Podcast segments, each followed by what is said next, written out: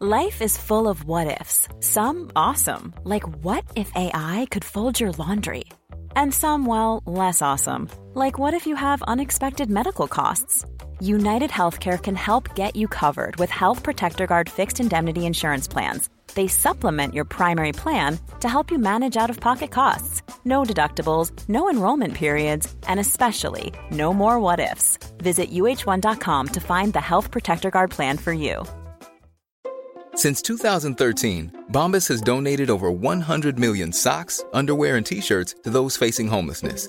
If we counted those on air, this ad would last over 1,157 days. But if we counted the time it takes to make a donation possible, it would take just a few clicks. Because every time you make a purchase, Bombas donates an item to someone who needs it. Go to bombas.com slash ACAST and use code ACAST for 20% off your first purchase. That's bombas.com slash ACAST, code ACAST.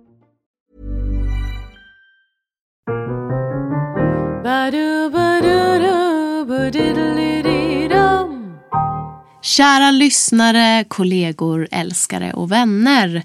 Välkomna till veckans avsnitt av Burlesque-podden. Med mig Aurora Brännström som vanligt från Custom Music Productions tillsammans med Andreas Hedberg som står för ljud och redigering. Den här veckan så har jag ingen mindre än Beatrix Bluebird här på besök. Och Beatrix Bluebird är burleskartist, burleskentusiast. Hon är producent och entreprenör och producerar bland annat den här nya burleskklubben Stockholm Dolls. Varmt välkommen! Tack så mycket! Du får jättegärna fylla på eh, och berätta om dig själv lite grann. Eh, wow. Eh, brett ämne. Beatrix Bluebird är ganska ny i Sverige. Skulle jag väl vilja påstå då. Jag började mitt intresse för burlesk i USA. Ja. I New York. Har alltid varit ett jättefan av den här klubben som man antingen vet exakt vad den är eller inte alls. The Box. Där man har extremt provokativa och sexuella shower på scenen. Vilket lockar en väldigt stor publik skulle jag säga. En väldigt blandad publik i USA. Började vara där väldigt mycket när jag reste dit och eh, hängde och älskade ju alla dessa dekadenta nummer på scenen som bara gav en gåshud för att man visste inte riktigt vad man skulle tycka eller tänka eller titta på. Och till en början är ju det ganska skrämmande. Men eh, ju oftare man var där och ju mer man såg så började man ju se artistformen i att det faktiskt inte bara var sexuellt utan de försökte berätta en historia. Vilket kan vara svårt att veta ibland när man är ny inom scenen. Där... Men vad, vad menar du att det liksom var provokativt? Jag har bara hört talas om The Box, jag har aldrig varit där själv. Ja, frågan är hur mycket man kan säga när man pratar så här. Men eh, en utav de extremaste artister jag någonsin har sett är ju Rosewood. Som är eh, transsexuell och eh, kör i mer eller mindre alla sina akter naken. Har eh, skaffat sig ett par väldigt fina bröst. Behållit sina manliga genitaler. Och gör nästan alla sina akter med eh, anallekar. Okej. Allt ifrån att eh, ha en toaborste uppkörd där till att dra ut kokainpåsar till att, eh, ja, allt möjligt egentligen. Och det är de är ju de mest extrema om vi ska säga så. Där jag faktiskt till och med har suttit i publiken och folk har rest sig upp och gått. Okej. Det har liksom varit på den nivån och då har man nog kommit till The Box utan att riktigt veta vad det handlar om. men eh, väldigt mycket provokativt men också extremt mycket vackra akter. Extremt mycket accepterande akter och där man vill visa. Och det jag älskar med The Box är att det inte är en rakt av burleskklubb. För det, det är en varietéklubb. Allt ifrån cirkus till talanger. Alltså från någon som står och kan jonglera med en fotboll som att det vore en fjäder för att han fångar den överallt. Till fantastiskt vackra kvinnor i glittrande kläder till cirkusartister som kan slå knut på sig själva. Och därför vet du aldrig vad som ska hända härnäst. Och alltid helt fantastiska hosts och MCs såklart som sjunger sig igenom showen. Så att eh, ja, Och du började uppträda där eller var nej. du där? Nej. Eh, I wish I could say so. men nej, det gjorde jag inte. Jag fastnade där ganska hårt när jag var där för fjärde gången och träffade min nuvarande sambo Okej. som jobbade med att producera shower där. Och därför började jag flänga ännu mer till New York. Och ganska så snart efter det så träffade jag en kvinna som heter Nat Casper. Som är en av de största burleskantister jag känner. Extremt vacker native american eh, kvinna som hyllar liksom feminismen och eh, den feminina sidan något fantastiskt. Jag såg henne första gången inne på The Box. Korpsvart hår, korpsvarta kläder och en stor fjäderkrage i svarta fjädrar. Och hon kom fram till mig och viskade mer eller mindre i, i mitt öra att hon skulle för evigt vara min Blackbird. Och vi fortsatte umgås och träffas. Och ett par gånger senare när jag kom tillbaka till New York så eh, visste hon att jag var i stan och förstod därmed såklart att jag skulle vara på The Box. Och eh, såg mig och skickade ett sms och sa kom jag har en present till dig. Varpå jag fick min egen blåa fjäderkrage som hon hade gjort till mig då eftersom hon tyckte det skulle vara så fint med mitt röda hår. Och eh, kort efter det började jag uppträda själv och insåg att jag behöver ett namn. Och hon kallade mig då för hennes Bluebird såklart eftersom hon var min Blackbird.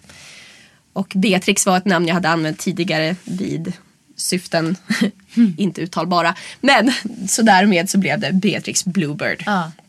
Alltså vilken fin så här, det blir nästan som något symboliskt att hon tog dig under sina vingar, alltså med de här fjädrarna på något sätt. Väldigt mycket så. Ja. Eh, Och hon har ju varit egentligen den som har tagit mig runt i hela den här scenen mest. Eh, Hon tog med mig till Nurse Betty och Slipper Room och House of Yes och alla de här eh, extremt roliga showerna i, som man inte riktigt kommer åt om man inte är med någon som är där hela tiden. Eh, och en av mina absoluta favoritshower vilket är Company XIV som producerar. Helt magiska shower som är en mix mellan burlesk, ballett och opera. Oj, Och okej. luftakrobatik också Ja. faktiskt har de börjat med nu. Äh, Det är helt magiskt. Så att, ja, jag har tagit extremt mycket inspiration från New York i allt jag vill göra här. Om vi säger så. Det Mm. Saknas. Ja. ja, jag fattar. Jag, jag har ju bara av de ställena du räknade upp nu varit på House of Yes. Yes. Vilket så här, ja, mitt hjärta typ försvann. Eh, så Eller växte. Eller, nej, men vi var där på någon så här, ja, jag har ju redan avslöjat det i den här podden att jag går på lite så här fetisch och Ja, ja. BDSM-F-klubbar. Vi var där på någon så House of Love, sensual experience. Vilket var helt amazing. Ja, men det är helt fantastiskt. Hon som, eh, eller de, det är de som öppnade en klubb. Men en utav eh, Mm. tjejerna som öppnar klubben är en vän till min sambo då. Ja. Så eh, vi har varit där vid några tillfällen. Och det, det, alltså det roliga är att de gör ju allt. De säger Mm. inte nej till något. Så länge det är en rolig idé så bara kör de. Eh, och hela layouten av det stället är ju liksom en magi att s- göra en show i. För du kan göra allt. Mm. Ja men det håller jag verkligen med om. Och, och just taket liksom med allting som hände där uppe. Och alla akrobater och folk som dansar i burar. Och det är så här, Ja, det är heaven on earth. Ja. ja, men jag fattar. Då, då förstår jag från vilket håll du liksom har fått din... eh, Vart du vurmar på något sätt i det här. Och, och, mm, men eh, så kom du till Sverige. Yes, eh, kom till Eller Sverige. kom jag har ju bott kom, i Sverige ja, hela tiden. kom men tillbaka. ja, ehm, Du tog med din sambo hit. Ja, ja exakt. Ja, mitt intresse växte ju extremt fort och väldigt mycket. Varpå jag var så här, gud det känns som att vi knappt har någonting. För att Jag hade inte ens gått på Fraukes shower då. För jag visste inte om att de fanns. Nej. Eh, jag var i fel forum i Sverige egentligen för att hitta, hitta hem, hitta Ja, rätt. ja. Eh, var på att jag började söka en massa och kolla runt här hemma och bara, men gud det finns ju faktiskt lite grann. Och när man gled in Mm. på Frauke så hittade man ju dessutom de som producerades i Skala, källaren där Mm. och man kunde liksom börja hitta runt lite grann. Och jag tycker att det är helt fantastiskt att gå på burleskshower men jag saknar ju the box. Mm. Alltså jag saknar de här extrema varietéshowerna. Sen tror jag att det är Sverige är inte riktigt moget ännu för den Nej. extremismen som sker på showerna där borta. Mm. Men jag, jag saknade lite variationen utav hela burlesken med elden, med luftakrobatiken etc. etc, etc. Och så tänkte jag väl bara, nej men nu, nu gör jag någonting själv och ser om jag kan lyckas. För fördelen är ju att jag även jobbar mycket med restauranger och nattklubbar. Så då tänkte jag, nej men jag ger mig attans på att försöka i alla fall. Och eh, första gången vi körde Stockholm Dolls körde vi ju en tjejkväll. Rakt av tjejkväll. Så att inga killar var välkomna vare sig på scen, i publiken, i baren, i dörren, nothing. Det var bara tjejer. Så det var en Dolls night kallar vi det då. Ja. Och vi sålde slut två veckor innan vi ens öppnade dörrarna. Och eh, det var första gången jag försökte mig på att göra någonting här och det var ju så kul såklart. Varför Eh, valde du att göra det så? I ärlighetens namn försäljningsteknik tror jag. Ja. Att försöka göra någonting som inte hade gjorts riktigt innan. Och det är ganska kul att få köra hela den här en kväll. För så som jag har förstått eh, burlesk eh, ifrån USA. Så från starten har det väldigt mycket varit av kvinnor för kvinnor. Och jag i och med att jag har ganska många oerfarna vänner här i Sverige kring den här scenen så har jag förstått också att många tycker att det är så här lite smutsigt för de vet inte vad det är. Utan det är bara så här, ja men ni står ju där och klär av er och det är bara för att killarna ska liksom komma igång på det. Vilket inte heller är något fel på uppenbarligen. Men jag ville liksom lite visa att det finns fler sidor för det. Varpå vi körde en Dolls Night. Och det vart ju en jättesuccé, jätteroligt. Och då sa jag, ja men vi försöker igen. Men vi hade ju så otroligt mycket killar och män nu då också som så här, vi vill också komma och se vad ni håller på med. så då släppte vi på en fest som var för tjejer och killar. Sålde slut den också. Så kul. Körde då en igen. Samma sak där. Och nu har vi faktiskt inte bokat den lokalen igen. Då vi väl känner kanske att vi har växt ur den lite grann. Vi skulle behöva en lite större Var, lokal. vart har ni varit någonstans? Eh, på båten Via Montage Okej. eh, på Söder Mälarstrand. Toppen lokal. Alltså just i storleken att den, den blir inte för stor. Så att man kan ha ett mindre event där och det är en jättebra scen. Enda peppar peppar men det verkar man få stå ut med överallt är att det finns ingen bra loge. Så att Nej, man får nej, stå men lite det finns aldrig. här. Eh, men det funkar alltid, det är lite mysigt.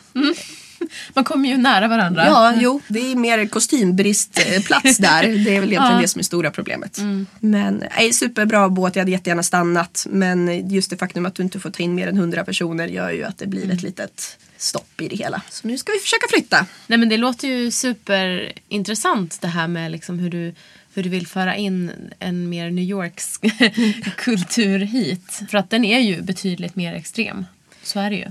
Det är den. Mer också att alltså hela, inte bara kulturen där utan det är liksom människorna, stället, alltså hela New York är ju bara liksom, det finns en sån vibrant kultur och det finns ju mycket mer att välja från där uppenbarligen. Alltså såklart för det är också, bor ju lika mycket folk i hela New York som det gör i hela Sverige. Så att eh, det finns ju liksom en helt annan marknad att jobba med. Och det sista jag skulle vilja göra är att göra det här kommersiellt. Men jag skulle vilja göra det mer tillgängligt för en större publik. Eh, där man kanske kan få förstå att precis så som att vi väldigt gärna vill att alla ska acceptera det vi gör och eh, respektera det vi gör. Så kanske man ibland måste respektera att det inte heller är för alla. Utan att alla kanske inte känner sig bekväma i det forum där vi är. Men därför tror jag också att det är väldigt fint att hitta olika nivåer på det. Att man kanske kan ha en liten after work eh, uppträdande grej som inte är sådär jättestökig eller jätteutspelad.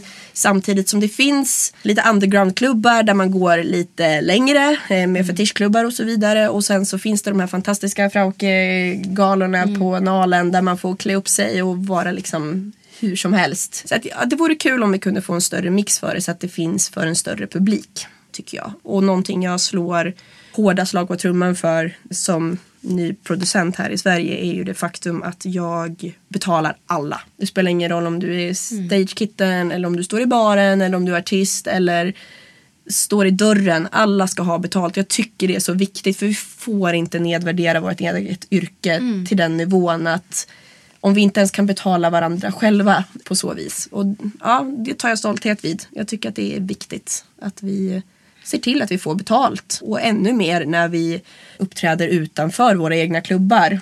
När vi tar privatgig och eh, gör lektioner för folk som vill lära sig och så vidare. Så, ja, det är otroligt viktigt att vi visar värdet i det vi gör. För att det spelar ingen roll om vi står på scen i fyra minuter. För kostymerna kostar multum och, och studiotiden för att träna och all tid man lägger in i det måste vi få betalt för. Alltså som en burleskartist får du nästan aldrig tillbaka pengar för kostymen ens. Och det är ju väldigt tråkigt. Ja, men det, där har du verkligen en poäng. Det, det har jag pratat med flera av mina gäster om här tidigare. Att, att det är ju väldigt mycket bakomarbete som, som, liksom, ja, men det här, som inte syns men som man håller på med jämt. Så skulle man slå ut liksom sin showtime och liksom betalning för det på alla timmar man lägger på sitt egentliga jobb så är man ju jävligt fattig. Alltså. otroligt, otroligt. Men det är sjukt kul, det ska man ju säga. Det är sjukt roligt, vi älskar ju det vi gör och det är därför vi gör det. Ja. Men jag tycker det liksom är lite dags att vi sätter ner foten och visar att eh, vi måste uppåt och framåt. Och eh, jag tror faktiskt, nu ska jag knock on wood här, men jag tror faktiskt att Stockholm är redo på att, eller Stockholm, Sverige. Jag tror Sverige är mer och mer redo till att ta in den här formen av entertainmentkultur som vi besitter. Fan vad positivt. Ja, eller hur?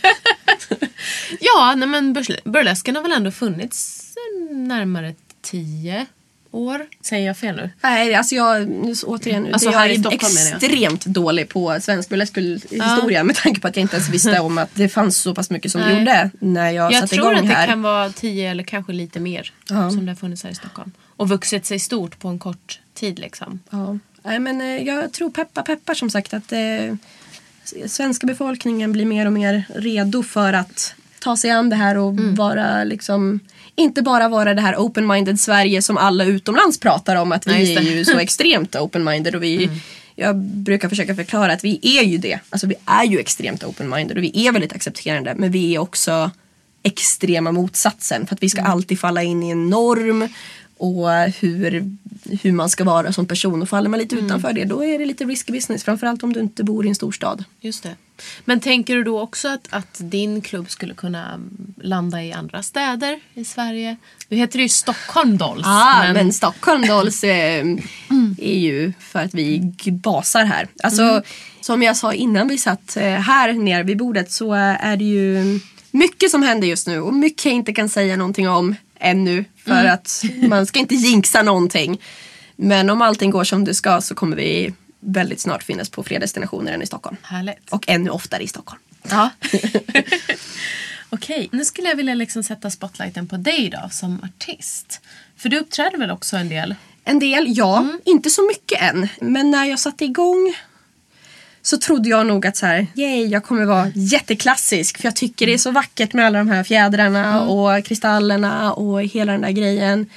Men insåg ju ganska fort när jag funderade på akter och hela den grejen att jag gillar ju den här mörka sidan och lite smutsiga sidan. Och smutsigt säger jag med en positiv ton. Eh, inte liksom smutsig som en dum sak, den smutsiga sidan. Jag gillar att få den bästa akten jag någonsin har sett. Eh, och den är väl inte, alltså burlesk är ju väldigt brett. Det här är inte burlesk, det här är egentligen en eh, luftakrobatikshow som jag såg. Men det startar med att det är två kvinnor som sitter på knä på scenen i enbart trosor och en mask för ansiktet.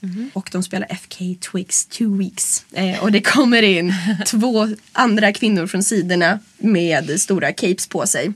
Och häller stearin rakt över bröstkorgarna på de här tjejerna som bara då reser sig upp, går rakt ut i publiken och då byter de ju liksom spotlight-ljuset på den här ringen och de gör ett luftakrobatnummer i en hoop tillsammans och det är så vackert. Och jag grät. Jag, satt- jag satt och grät på nattklubben. Eh, hur som helst i alla fall så insåg jag att det där är egentligen mer vad jag tycker om. Och jag tycker om att provocera. Jag tycker om att få folk att fundera på var det där okej? Och eh, var det där det hon vill eller någon som har sagt åt henne att göra. Alltså jag, jag gillar ändå att få den, den känslan. Så att som artist så är det garanterat mer den jag är. Däremot så finns det ju ingenting lyxigare än det vi på Stockholm Dolls här fick göra för några veckor sedan och gå upp och dansa till liksom live The Soul Company på Berns i fina ballroomsalar och du har de här korsetterna och fjädrarna och huvudbon. Alltså det är ju superlyxigt. Och det bästa är att få göra både och såklart. Just det, jag såg ju de bilderna. Det Yes. såg ju helt fantastiskt ut. Ja men det var kul. Jag släpper en video snart. men eh, nej, så eh, om jag får säga vem Beatrix Bluebird är så är det helt klart en betydligt mörkare själ. Och säkert kanske om man nu ska försöka bli lite så självpsykolog en, ett sätt att kanalisera mycket av det som händer i mitt huvud. Men vad är det för...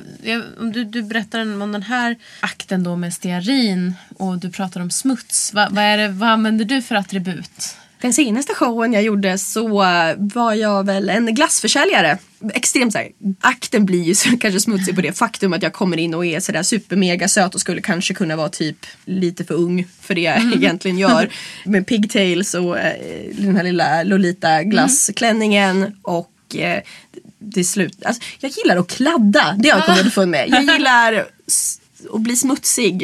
Jag gillar eh, mat eh, och jag har massa konstiga matakter på gång också. Men ska, det verkar vara en grej. Eh, men ja, jag gillar liksom att få, i den, i den, just den akten så tycker jag just det här med att jag vill få folk att fundera på hur rätt och fel det är. Det är väl kanske just hur jag porträtterar mig först och vart det slutar någonstans. Och har ju nu som sagt, nu ska man inte prata om fram akter som kommer snart för att då har man ju lite avslöjat det roliga i det hela. Men just att ja, men få folk att tänka till huruvida det var rätt eller fel. Nu följer jag dig på sociala medier. Yes. Och eh, en sak som jag har tänkt på, nu vet inte jag om det är dagligen eller om det är liksom några gånger i veckan. Men i alla fall på Instagram så brukar du lägga upp bilder på dig själv. Yes. Som jag skulle tolka som eh, ja, men typ fine art nude eller lite semi-nude pictures. yes. är du också intresserad av foto eller personliga statements som du lägger ut? Eller? Jag har stått framför kameran sedan jag var 14 år gammal. Då bodde jag ju fortfarande långt ute i skogen och eh, blev scoutad utav en jätteduktig fotograf som heter Jonas Kossunen. Och blev då scoutad av honom för en så här glasögonreklam från Synsam. Vad och så här, mamma nu är det en fotograf ifrån Stockholm. Så, du vet, alla mammors mardröm när man bor ute på landet. Hur som helst, vi träffade honom. Han var ju jätteseriös såklart. Så att vi åkte in till Stockholm, studion, fotograferade. Varpå han ville fortsätta fotografera. Det är ju jättekul när man är 1,59 lång. Så att man kanske inte måste vara 1,75 för att få stå framför kameran. Och fortsatte åka in och fota med jämna mellanrum med honom. Och när jag var 18 år gammal så hade jag flyttat till Stockholm och eh, började då även fota med andra fotografer och gled ganska fort in på fine art-delen. Inte glamour alls faktiskt, den typ delen. Annars brukar man ju hoppa från liksom foto till någonstans glamour till att det blir fine art. Eh, Men jag var väldigt mån om hur jag ville bli porträtterad. Jag älskar nakenhet, jag tycker det är jättevackert. Jag är alltid naken hemma. Är så men jag, jag bara tycker att det är helt fantastiskt att få vara naken.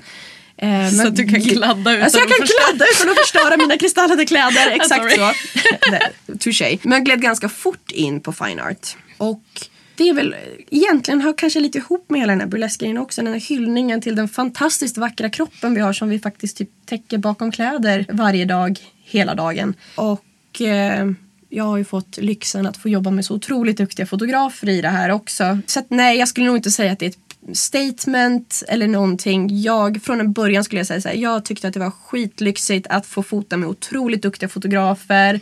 Och till en början då att jag inte behövde betala för det. Nu är det ännu lyxigare för jag får betalt för det. Eh, så att det är, alltså, och jag får behålla bilderna själv. Det är alltid ett avtalsskrivande kring huruvida jag har rättigheten till bilderna eller de har rättigheten till bilderna. Såklart, det där som man ska vara duktig på.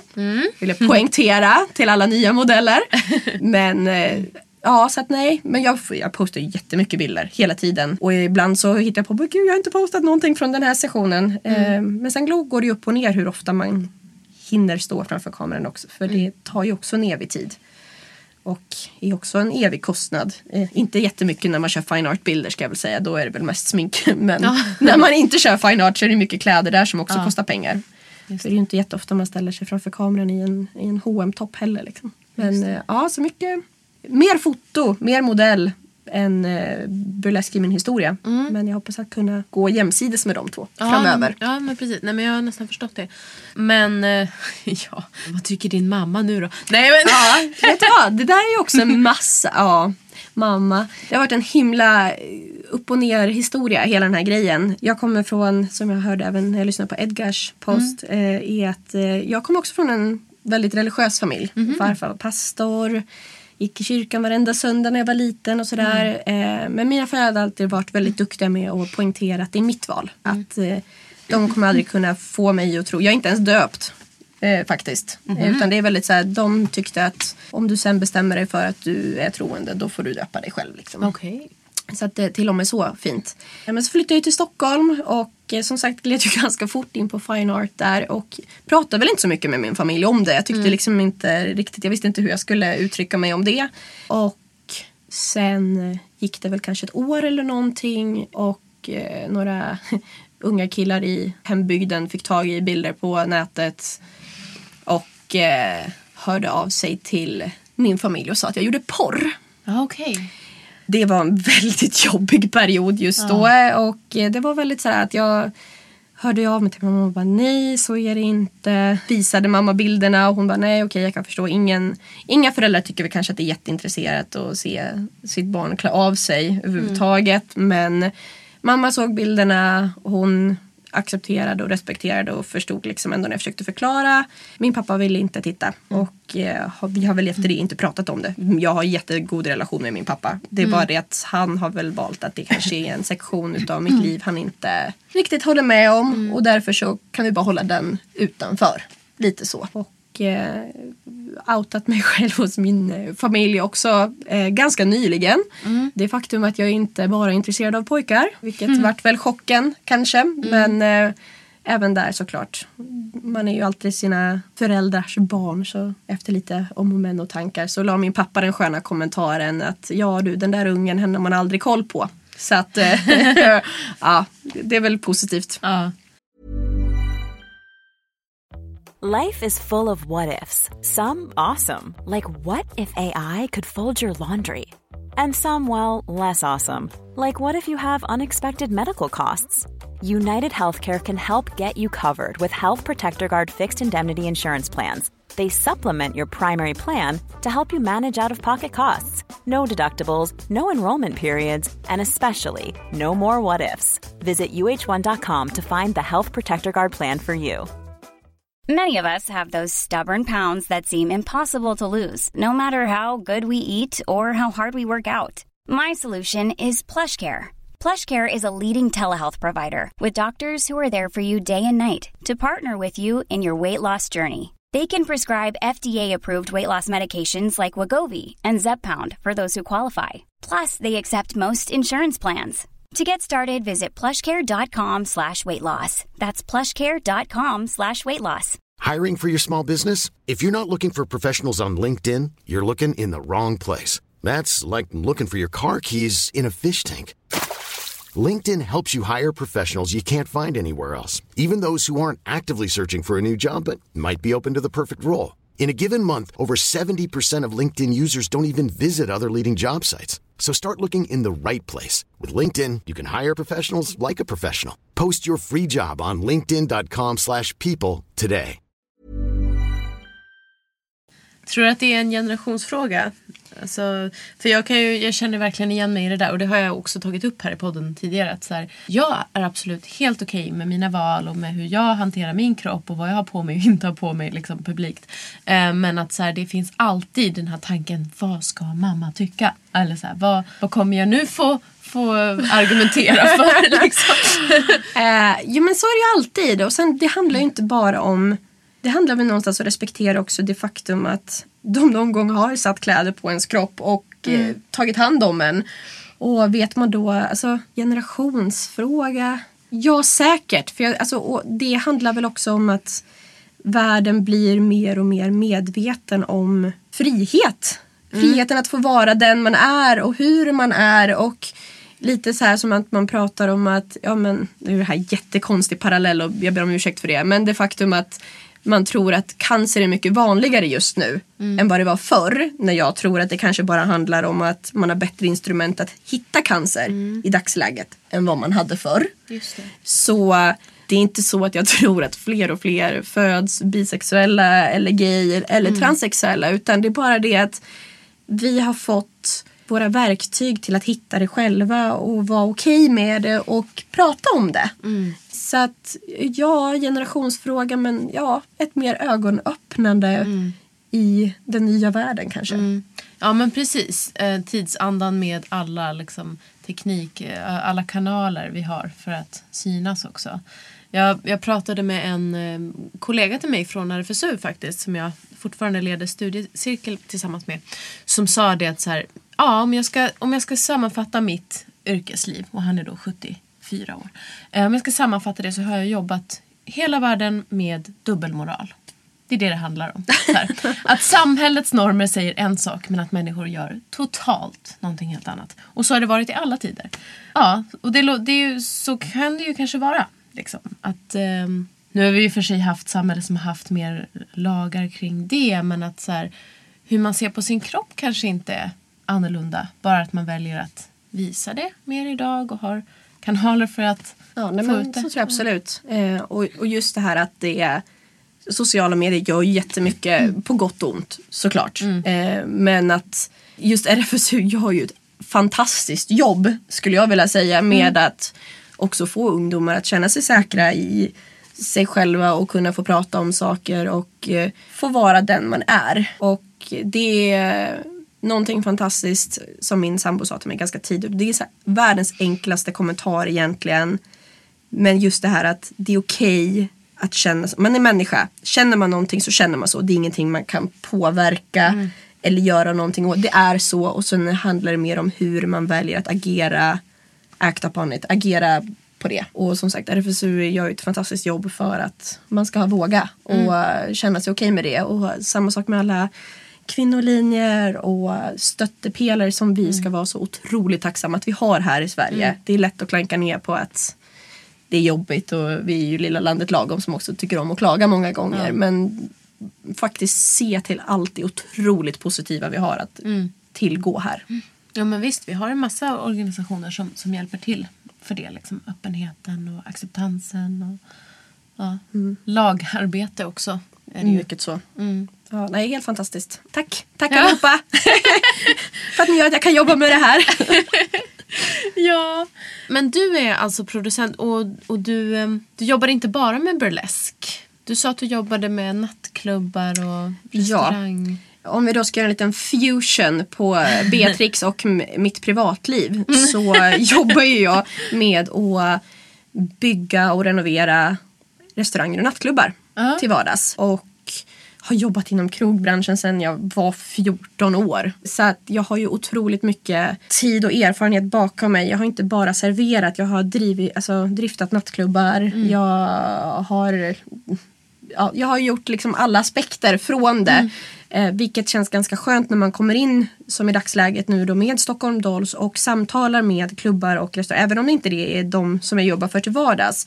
Men jag kan ändå förstå vad de behöver och vad det finns för lagar och regler kring allting de behöver och hur det funkar med inkomster och utgifter. För det är ibland så det är ju lätt att köra in sig på det man själv gör. Och bara tycka att ja, men vi måste ju bli det viktigaste den här kvällen. När man faktiskt, ja, det finns många aspekter kring det. Jag kommer bara vara så otroligt glad och stolt om jag kan få bli en medlare mellan den här otroligt stora verksamheten som restaurang och nattklubbslivet är i Sverige till det vi gör. För att det handlar ju också om att hitta någon form av medelväg där vi kan komma in. Där vi kan få visa att det vi gör är bra. alltså, men det är lite så. För att få starta en restaurang eller nattklubb i Sverige är så mycket pengar att inte, jag tror inte någon av oss i artistsvängen skulle kunna investera i det om vi inte bara ramlar på ett arv eller en lottovinst. Liksom. Så att vi behöver en väg in och eh, jag hoppas att jag kan få bli den vägen in.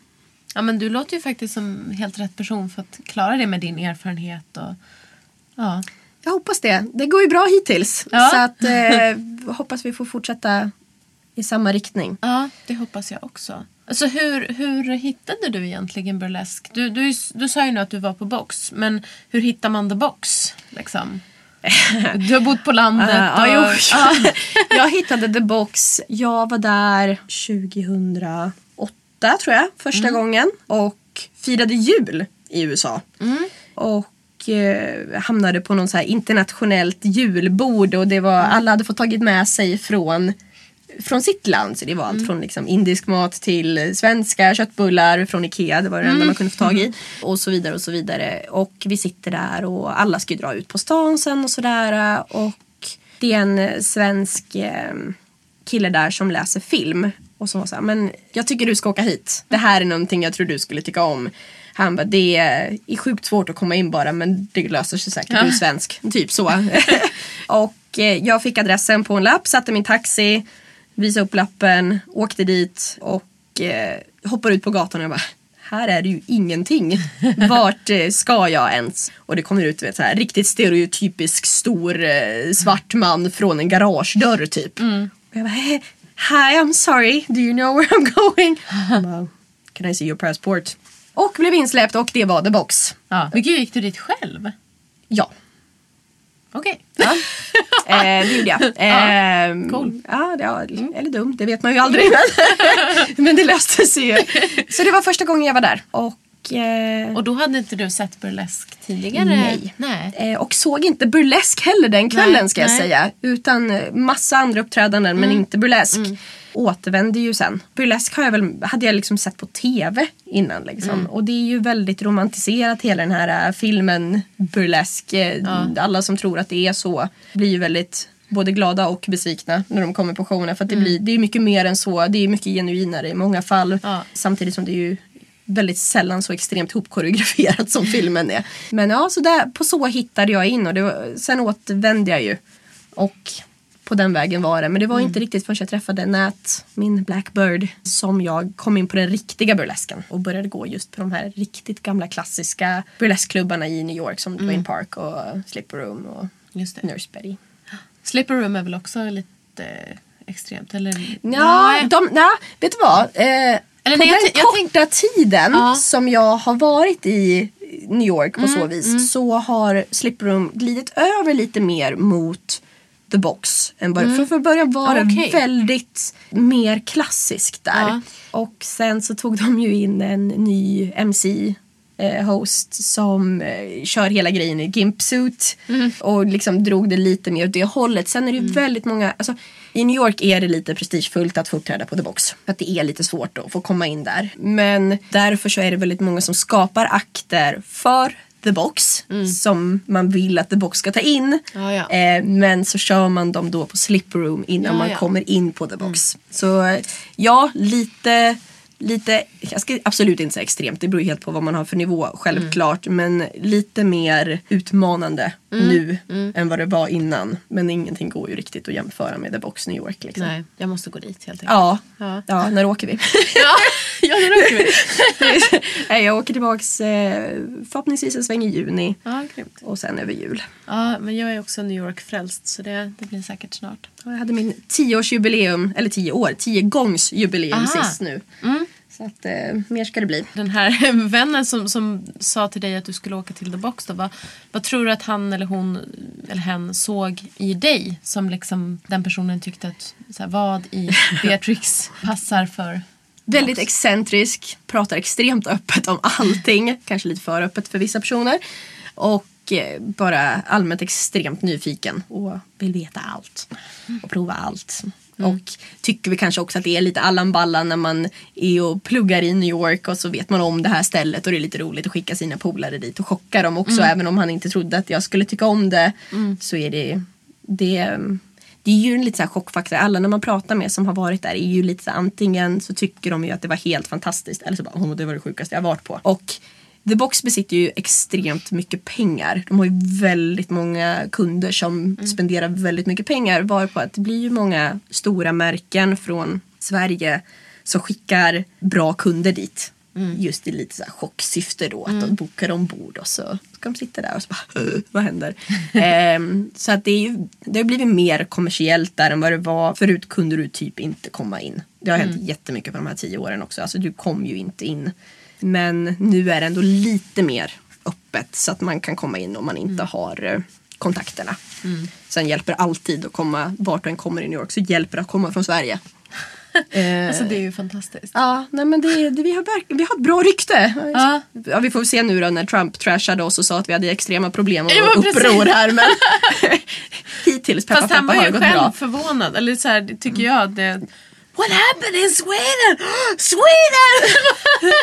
Our loving child! Ja, och sen trodde han ju säkert att det var Schweiz precis som alla andra Ja. som tar fel på oss och frågar hur god precis. choklad vi har. Fast Marabou är gott. Ja, ja, det är väl så. Har du alltid varit den här personlighetstypen eller någonting som har vuxit fram? Alltid. Eh, och det tror jag mina föräldrar kan skriva under på. Jag har nog alltid varit den här personlighetstypen. personlighetstypen. Jag är extremt lycklig för det. Alltså jag är jätteglad för det. Eh, och jag har nog extremt mycket att tacka min familj för. För att just att de har alltid var, tyckt att liksom det är viktigt att du är den du är och att du är ärlig med det och att det är liksom Sen att det gick mycket längre än vad de kanske trodde men nej, ja. Alla mina lärare i skolan tyckte nog att jag var väldigt duktig på det jag gjorde men lite onödigt högljudd. Alltid liksom haft svårt att bestämma mig för vad jag vill göra egentligen. Så hoppat runt mycket bland jobb och så vidare men haft turen att kunna klättra på vägen och istället för att bara absolut inte finna vad jag vill göra. Men ja, nej. Alltid varit ganska excentrisk med en ganska stor entreprenörsanda. Gillar att starta upp saker och driva dem framåt. Och jag kan inte sitta still för min... Nej, jag kan, jag kan inte sitta still. Det, jag, jag blir så uttråkad om jag har så två kvällar i rad hemma. En går bra, då kan man mata serier. Två nej, det går inte. Nej. Måste jag göra någonting. Jag, jag känner att jag, jag får lite så här hopp. Alltså både av att prata med dig och med till exempel St. Edgard som jag pratade med för några veckor sedan. Att, ja, men att ehm, en eh, barndom inom liksom en religiös familj eller ja, åt det hållet liksom inte betyder att man blir hämmad eller nästan tvärtom. Säga jag. det. Det kan nästan bränna på mer. För att I alla fall liksom i de åren när man är i ett sånt här mellan, jag, jag säger nog nästan 11, jag hoppar så långt ner i åldern. Men liksom mellan 11 och 16-17 år. Då blir det nästan så här, nej men är man nyfiken och tippar över till den kanten så går man väldigt långt. För att då blir man nästan liksom, ja, lite så här minirebellen att man ska hitta sin väg och det känns väldigt viktigt att man får, får vara den man är. Jag tror det viktigaste var när man är, står i ett sånt stadie i livet är bara att man fortsätter behålla respekten för f- människor runt omkring en. För att bara för att man själv vill vara den man är så måste man då också faktiskt låta alla andra också vara det. Man kan inte kasta någon annan under bussen bara för att man själv ska få vara den man är. Just det. Eh, Det får man inte glömma bort. Det är ju också en av RFSUs eh, grundprinciper att man har rätten att vara, välja och njuta. Men ens egen rätt att vara och välja och njuta får inte gå ut över någon annans rätt. Ja, du ser vad bra jag fick citera den. Jajamän! För att återkomma till För att det. återkomma till Ja. Mm. det. Bra jobbat RFSU, vi fortsätter med det. Vad värsta RFSU-boosten här. Ja, det är härligt. Ja. Mer, mer, mer, mer kondomer åt folket tänkte jag säga. Men ja, det kan vi också passa på med på en gång. då. Ja, nej men det var som jag sa till dig tidigare att så här, det känns som att den här podcasten verkligen så här, eh, jag kanaliserar alla mina tidigare erfarenheter i det här projektet. Men är inte det som är meningen med att växa och bli större inom den personen man är också? Man använder sig av de erfarenheter man har. Och det tror jag är jättestort inom burlesken. Man tar ju sina akter och skapar dem antingen utifrån erfarenheter man har, fantasier man har eller tankar man har. Och eh, jag tänkte på det när du pratade med Harley där angående just att hitta inspiration eh, till eh, nya akter och den, just den stora skillnaden mellan att inspireras och plagiera. Och hittills eh, skulle jag nog vilja säga att jag tycker att jag har inte riktigt sett något plagiat här i Stockholm. Nej. Och det gör mig väldigt glad. Sen är det ju liksom, det går ju alltid att diskutera vad som är vad. Men inga sådana här solklara nummer och akter som är extremt genomtänkta har blivit liksom kopierade. För annars kan jag tänka mig att det är i ett land som är så pass litet som Sverige än så länge där scenen är inte så stor än.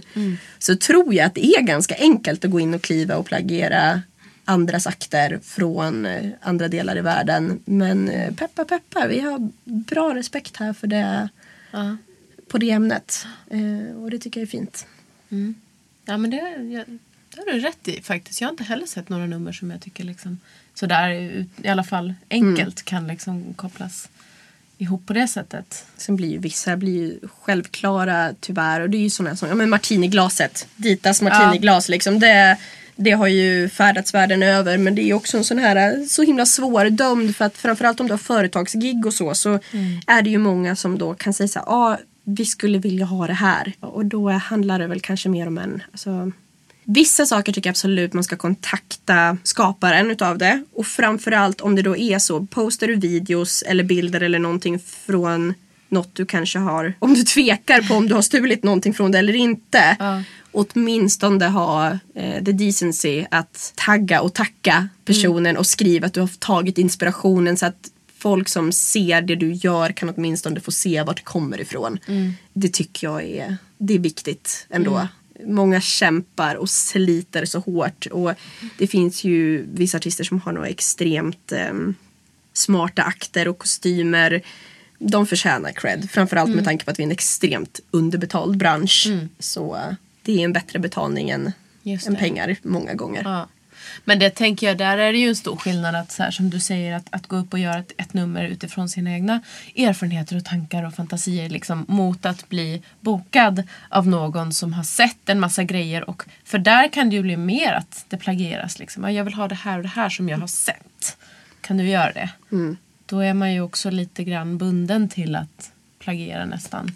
Ja, alltså det, som sagt, mm. låt oss bara säga som mitt glassnummer då. Om mm. någon skulle ha sett mig i Sverige göra det och sen kontakta en annan artist här i Sverige och säga åh, det var en rolig akt. Mm. Kan inte du göra den? Mm.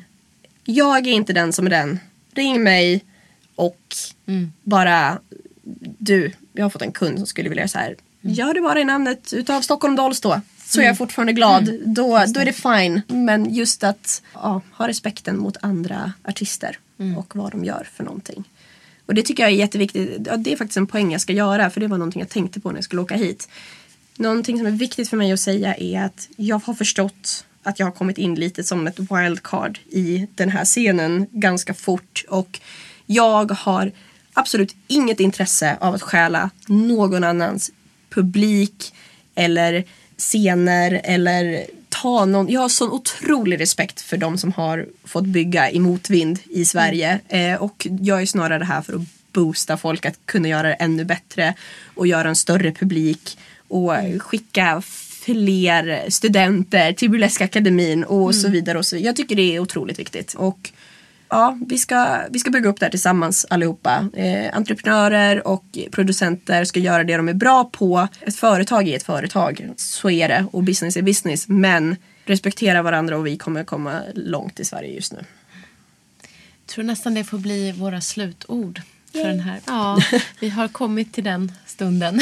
Vad fort det gick. ja, det var väldigt roligt att prata med dig. Eh, jag känner att jag blev peppad. Bra. Mm. Hoppas att ni också blev det, lyssnare. Vi hörs igen om en vecka.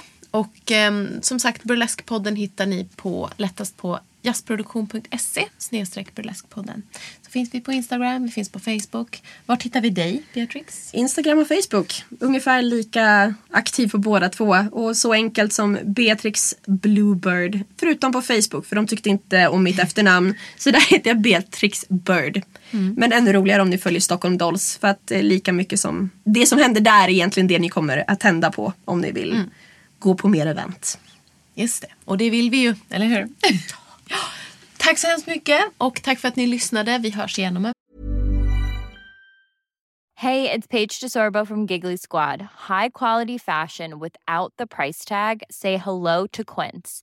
I'm snagging high-end essentials like cozy cashmere sweaters, sleek leather jackets, fine jewelry, and so much more. With Quince being 50 to 80% less than similar brands and they partner with factories that prioritize safe ethical and responsible manufacturing. I love that. Luxury quality within reach. Go to quince.com slash style to get free shipping and 365 day returns on your next order.